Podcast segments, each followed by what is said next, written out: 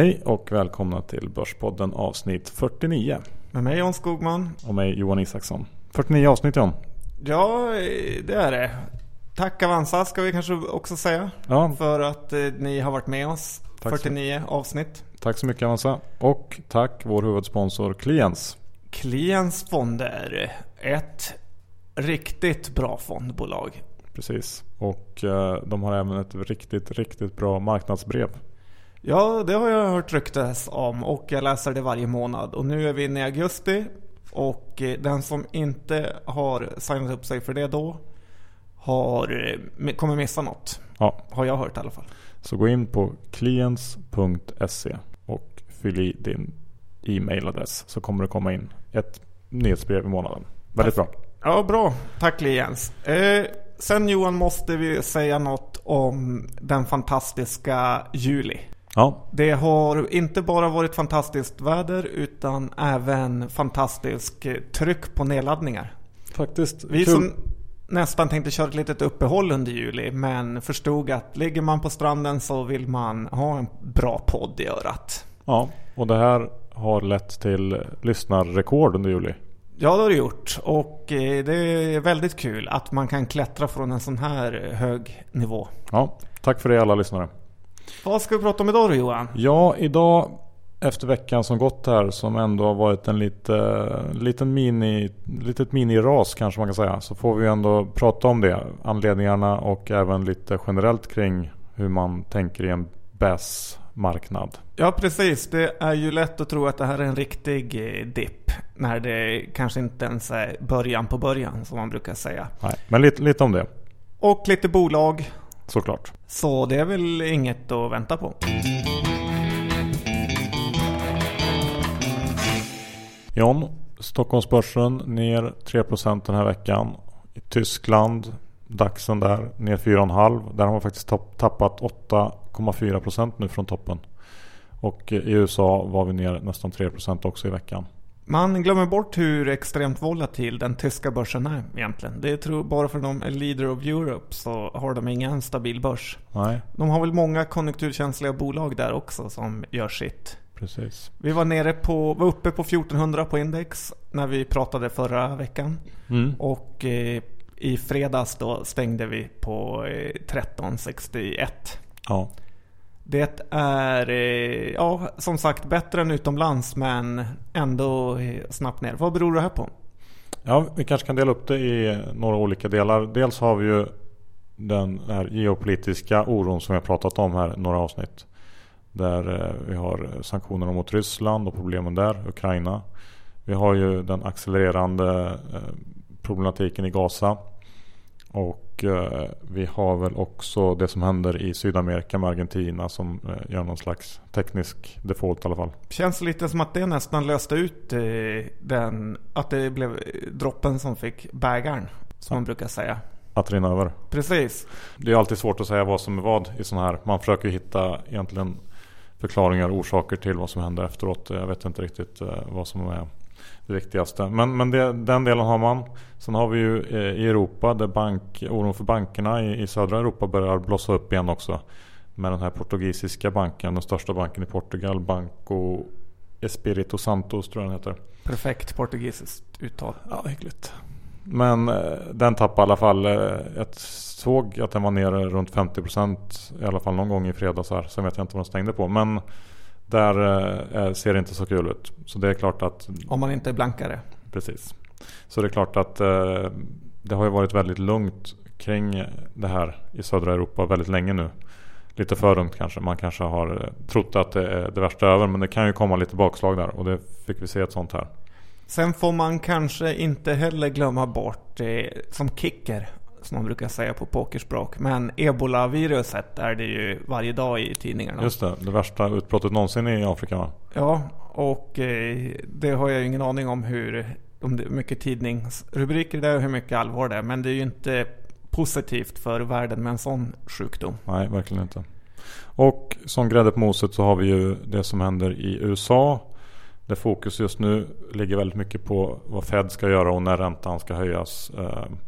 Eh, Och det gör ju också att det är väldigt svårt att tolka all statistik som kommer tycker jag. Eh, ibland är bra statistik dålig för börsen för det gör att räntehöjningar kommer närmare och ibland är det tvärtom. Och jag vet inte riktigt vad, vad man ska tro. För den här ingen, som det snackas så mycket, ingen, att det inte finns några alternativ i traden så är ju en räntehöjning jättedålig. Ja, precis. För börsen alltså. Ja. Eh, sen hade ju Russell 2000, det amerikanska småbolagsindexet, eh, haft eh, sin sämsta månad sedan 2012. Småbolagen leder vägen lite då kan man säga. Där. Ja, och det som var extra illa, eller det som är lite nervöst med det här, det är ju att eh, det är så många amerikanska mindre bolag som säljer till varandra i USA. Att det är mer lokalt. Eh, mm. Och det kan vara en liten, liten oro för hur det är i, ställt med själva USA. Vixen Johan stack upp rejält. Det har ju varit eh, fair traden är ju då att buy the dip som man säger. Ja. Och eh, upp 27% på en dag. Det är ändå kraftigt även om det är från hyfsat låga nivåer. Mm. Ja, den vixen har väl legat kring 10 och nu upp och nosar på 17 tror jag här i fredags. Va? Och sen här under börsraset så gick räntan upp och börsen ned Johan. Det bruk, så brukar det inte alltid vara. Nej, precis. Det är ju lite märkligt. I vanliga fall brukar man ju tänka att kapital flyr från börsen in i till exempel räntor. Nu flydde det bara. Ja, till, Ut ur... till cash då kanske. Ja, men vi kommer prata mer om det i vårt sista, vår sista del. Sen har du sett en tradingfond här i staterna. Ja, eller tradingfond. Jag lyssnade på en amerikansk podcast där man eh, intervjuade en startup i USA inom finanssektorn som byggde på att man försökte eh, göra det lättare för traders att få in eh, kapital och kanske förvalta. För det är ju så att det är inte helt säkert att de som är bäst på att förvalta pengar sitter på en fondförvaltningsfirma eller bank. Det finns ju faktiskt en eller två stycken som sitter hemma själv och tradar som är hyggligt bra på det. Låter som du annonserar. De här killarna som hade startat den här, det här bolaget hade då som idé att man skulle samla upp ihop data eh, från traders runt om i hela världen. Eh, och sen eh, ja, göra olika mätningar och analysera den här datan på olika sätt. Och presentera för möjliga investerare som vill stoppa in pengar hos dem. Och på så sätt öppna upp för, för eh, traders att förvalta pengar åt andra. Och även öppna upp för investerare att nå eh, andra intressanta placeringar än bara fonder och liknande. En trött Sverigefond från Swedbank. Ja, lite så. Jag tycker det var lite spännande initiativ. Se om det kan komma något liknande i Sverige. Ja, men vi är alltid öppna för ett hedgefondförslag i New York, eller hur Johan? Ja, vi har ju sagt det. Men att, minst en miljard dollar. Ja. Du då, har du, har du någonting från staterna att bidra med? Ja, slutligen så snappade jag upp en grej som jag ser mer och mer amerikanska bloggare pratar om. Och det är något eh, som kallas för Loyal Tree och det innebär då att du kan månadsspara courtagefritt i eh, väldigt många aktier där företaget betalar eh, courtaget. Och då kan du köpa månadsspara då från ditt Visakort Eh, och sen återinvesteras utdelningen. Och det här är ju ganska spännande för just eh, det låter konstigt att typ Kellogg's betalar eh, courtaget för att du ska månadsspara i den aktien. Men eh, det hänger ju samman så att eh, om du månadssparar i Kellogg's så kanske det är större chans att du köper cornflakes från Kellogg's cornflakes istället för ICAs egna surprodukt. Eller Frosties. Precis Johan. Nej men absolut, det är väl en jätteintressant grej. Och det är något man kanske borde ta efter här i Sverige. Ja. Johan Isaksson, nu har vi kommit en bra bit in i rapportperioden. Precis. Och det är sommar, men det är ändå en hel del event. Ja, det, börjar, det kommer fortfarande in lite rapporter då och då. Och eh, sen så har det ju även varit en hel del eh, förvärv på slutet. Ja, vi kanske ska börja med Meda som var i hetluften. Precis, slog till med ett jätteförvärv.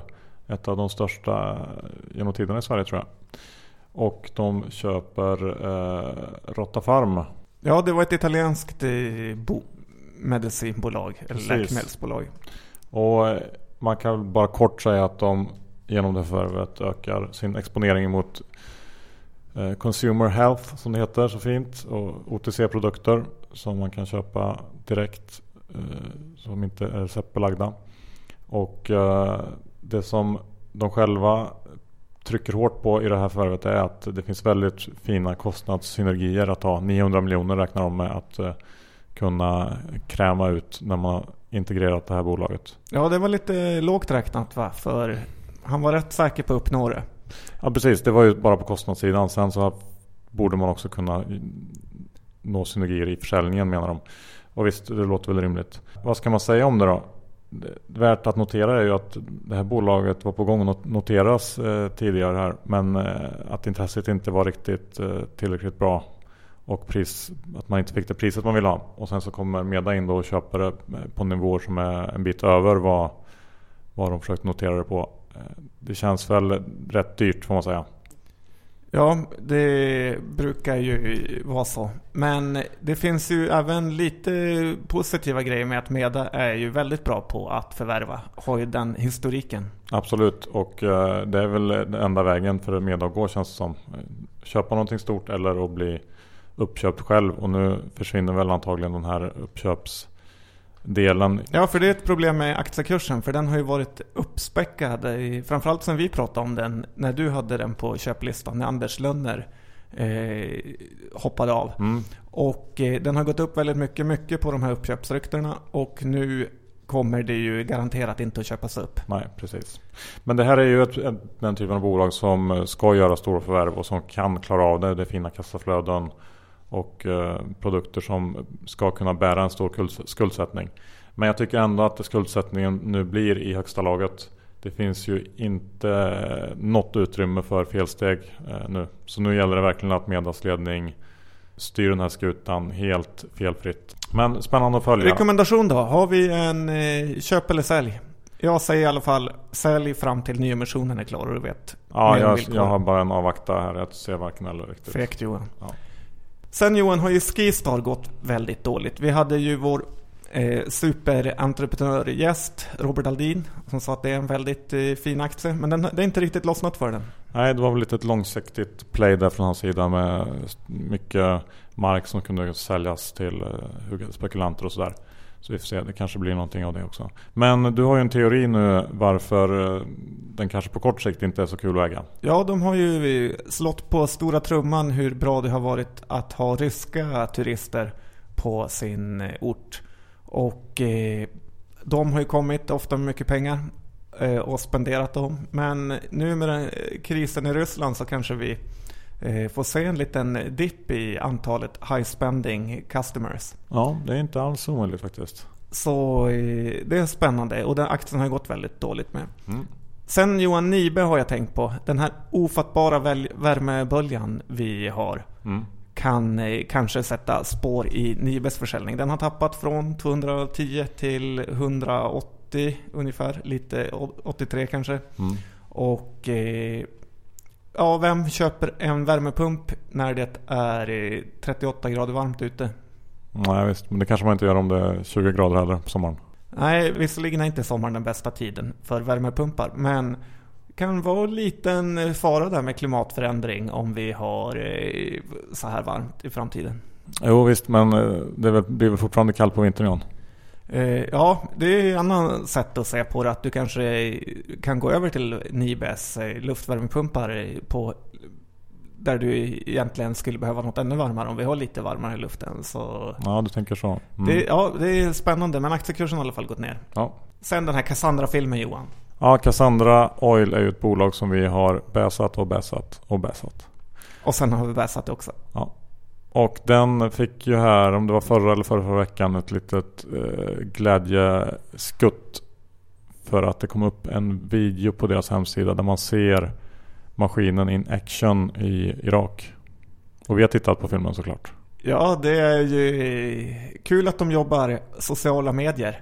Men det här börjar ju gå till överdrift. Filmen som spelas in i Irak eh, visar då hur det kommer droppandes olja ur en fasttejpad slang i en tanker. Ja. Du, du, blev du imponerad? Nej, jag får ju verkligen känslan. Och det är klisterlappar med Cassandra på olika maskiner som rör sig upp och dunkar och pumpar. Det känns eh, ju inte seriöst tycker jag. Det känns som att man klistrat dit lappar för att det ska se ut som att det är någonting som rullar och går bra. Men jag tror inte att det går överhuvudtaget där. Dessutom så var ju eh, ordföranden tror jag det var som var ute och kommenterade det här. Eh, för att aktien blev handelsstoppad i samband med det här. Och då fick jag känslan av att han ville tona ner förväntningarna. För att man kanske nästan blev lite rädd för att förväntningarna blev för höga nu när de hade den här filmen ute. Att det var fortfarande så menar han att man är i en testfas och det är inte säkert att det här håller kommersiellt.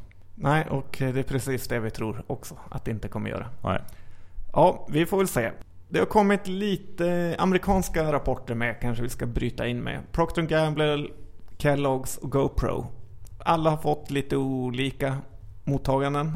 Superkonsumentjätten Procter Gamble växer på, tjänar pengar.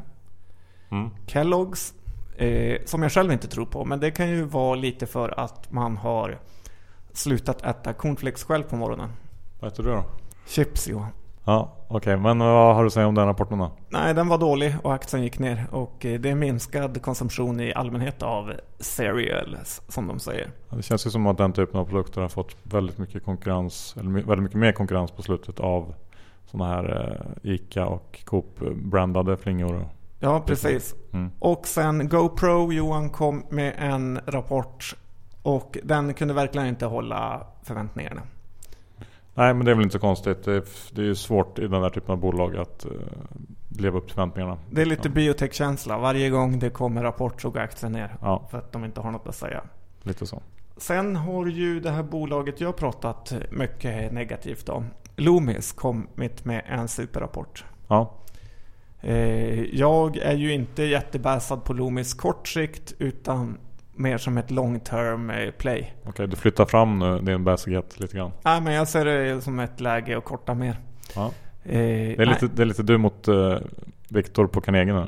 Ja, det kan bli tuffare än man tror på längre sikt för ett sånt här bolag och värderingen är inte direkt låg. Sen hade du någon eh, typ av eh, kommentar kring de här norska bolagen det pratas om. Försäkringsbolag som är väldigt heta av eh, bloggarna. Just det, jag såg att vi har fått några frågor på Twitter om eh, de här norska försäkringsbolagen som har varit väldigt heta bland eh, aktiebloggarna. Det är ju först det här Protector som har varit en raket och sen så verkar flocken ha kastat sig över ett eh, lite nystartat bolag tror jag som heter Vardia. Och för mig generellt så tycker jag att försäkringsbolag är ganska speciella. Och liksom är speciella att analysera och det finns väldigt många nyckeltal som är unika för den branschen. Och eftersom vi inte har några försäkringsbolag i Sverige som är noterade så har jag ingen erfarenhet av att titta på försäkringsbolag. Och därför så är jag, eh, håller jag mig ifrån det också. Så jag har egentligen inte så mycket att säga om de här bolagen mer än att eh, jag tycker att det är viktigt att, när man köper bolag så är det viktigt att förstå hur verksamheten fungerar och hur man tjänar pengar och hur man ska räkna på dem. Och jag gör inte det när det gäller försäkringsbolag. Jag tror det finns eh, ganska många som kanske inte gör det. Och att man nog inte bara ska liksom lita blint på vad som skrivs utan försöka i så fall lära sig rätt mycket själv om eh, den här branschen och bolagen. Och, det är min kommentar till eh, de här grejerna. Ja, vill du höra på min kommentar eller vill du bara prata ja, själv? Vad tycker du? Eh, jo, jag vill också hissa ett eh, varningens flagg för att försäkringsbolag alltid eh, eh värderas ganska lågt tittar man på de amerikanska jättarna så är det relativt låga värderingar vi ser på dem. Och eh, då pratar vi många miljard dollarbolag. Så jag ser ingen anledning till att ha en superhög värdering på eh, den skandinaviska marknaden heller.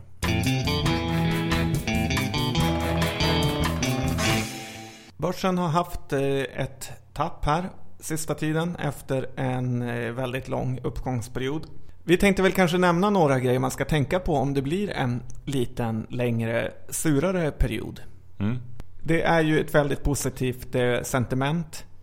Vi ser dagligen i media hur eh, förvaltare går ut och säger att eh, man inte, det finns inga alternativ utan börsen måste upp. Och man måste ju alltid komma ihåg att en fondförvaltare aldrig kommer säga att börsen ska gå ner. För det slår ju mot hela deras eh, verksamhet. Nej, precis. Och de har ju faktiskt inga alternativ. Nej, precis. Men det har vi traders Johan, så därför ska vi lära ut ett och annat. Det finns inga alternativ säger man till börsen. Vad säger du om det? Nej, jag tycker inte att det, man behöver vara så jätterädd för att ligga cash till exempel en, en period. Det är inte så att man eh, måste vara investerad i någonting hela, hela tiden. Och eh, alternativkostnaden för det är ju historiskt låg också så att du, du tappar ju inte så mycket på att ligga cash. Nej precis, är räntan noll och inflationen i princip negativ så är det ju inte den här äh, skräcken man måste ha att dina pengar blir mindre och mindre värda. Utan bara ha dem på bankkontot utan ränta gör de nästan mer värda. Ja, och ligga liksom ett halvår eller liknande. Det, är inte, det känns som en lång tid men i själva verket så är det ganska kort och det ger, ger även liksom en, en bra möjlighet att, att ta ett steg tillbaka också och fundera lite och, och, se på börsen och de olika möjligheterna med nya ögon, lite fräscha ögon. Och det kan nog vara bra för många att göra tror jag. Ja, och torrt krut är det alla vill ha ja. när det behövs. Men det är väldigt få som har det. Ja. Så att det, Dessutom ja. kan jag tycka också att, att eh, till exempel att man får kring 2,5% i ränta i amerikanska statsobligationer till åriga. Det är också ganska bra om man jämför med risken att ligga i börsen nu. Ja, särskilt vad man får för den, på den europeiska sidan. Ja, där man i till exempel tyska Bunds kanske får strax över en procent bara. Eh, så jag tycker nog att det går att hitta att det finns ganska många alternativ till börsen då som är konkurrenskraftiga. Inflöden och utflöden som vi brukar prata om styr ju börsen väldigt eh, mycket. Ja, så är det. Nu har det varit fantastiska inflöden och eh, det i sig trycker ju upp eh, aktiekurserna. Men mm. bara så sent som 2011 var det relativt stora utflöden på börsen vilket fick börsen då falla, svenska börsen med kring 20%. Så det där måste man vara orolig för och har vi en fonderna får uttag så är ju de tvungna att sälja till vilket pris som helst egentligen. Mm. Och där har vi pratat om mycket i, i småbolagen. Vi kommer väl in kanske lite på det med småbolagsrisken och likviditetsrisken där. Ja, för den är ju, vet vi båda, kan ju vara fantastiskt hög. Ja. Hur småbolagen faller dag efter dag till löjliga värderingar. Nu är det nästan lite åt andra hållet. Att eh, de kommer till helt nya höjder på sina värderingar. Det är många all time high för eh, de här mindre bolagen. Och eh, man måste ju alltid tänka på att det är faktiskt ett bolag, en del av ett bolag man köper när man handlar aktier. Mm. Och inte bara en blinkande sak på en skärm. Nej, du hade ju en intressant reflektion kring det där när du var ute och reste här senast va?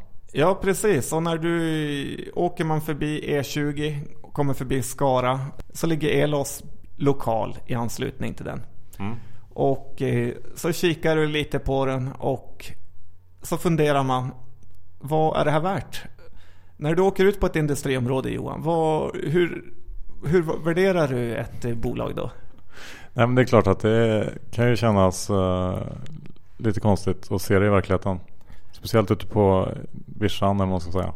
Ja, precis. Och då om du skulle gå och knacka på förrådet där och undra vad kostar det här bolaget? Då kanske du skulle vilja betala vad eh, book value som ja. man brukar kalla. Alltså vad allt de har köpt eh, in är värt. Ja. Men eh, då skulle han snabbt svara utan det här vill jag ha 15 gånger årsvinsten för. Då eh, skulle man ju tappa hakan. Ja, faktiskt. Och det här är ju det jag vill komma till då. Att det är ju väldigt eh, svårt att ibland se bolaget som ligger bakom när man eh, bara tittar på aktierna. Mm. Och får en, se en flashig hemsida eller årsredovisning. Mm. Så eh, ibland kan det vara bra med lite besök och se vad man betalar 15 gånger pengarna för. Ja men så är det verkligen. Jag håller med. Sen så ska man ju också, jag, jag har sett på eh, Twitter nu sista veckan att det är många som eh, börjar känna sig sugna på att fyndköpa aktier efter nedgången. Men vi ska komma ihåg att vi har gått ner knappt 3% på OMX.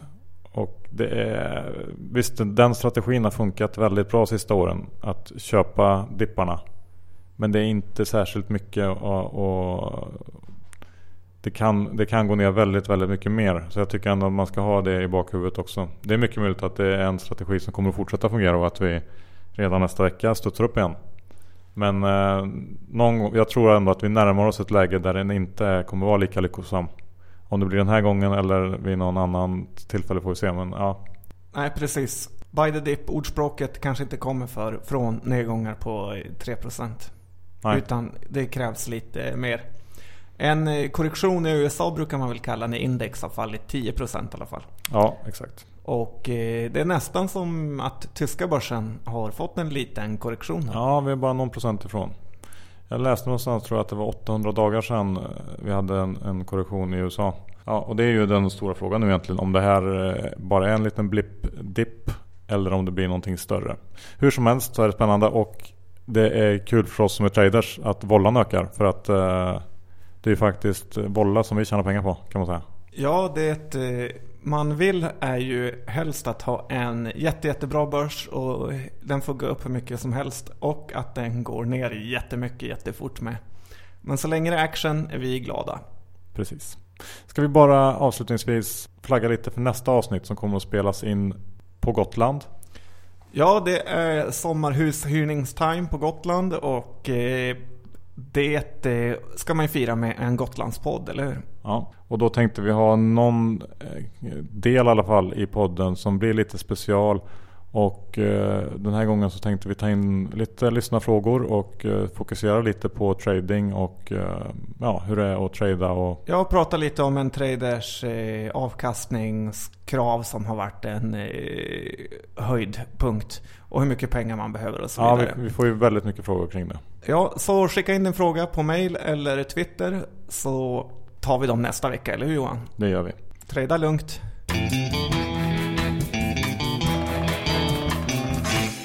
Det var avsnitt 49. Nästa vecka är det avsnitt 50. Ja, precis. Eh, 50-årskrisen närmar sig. Och sen är det bara två avsnitt kvar till ett årsjubileum. Lägger vi ner då? Kan bli så. Nej Johan, du bara vill att alla ska säga att du inte ska lägga ner.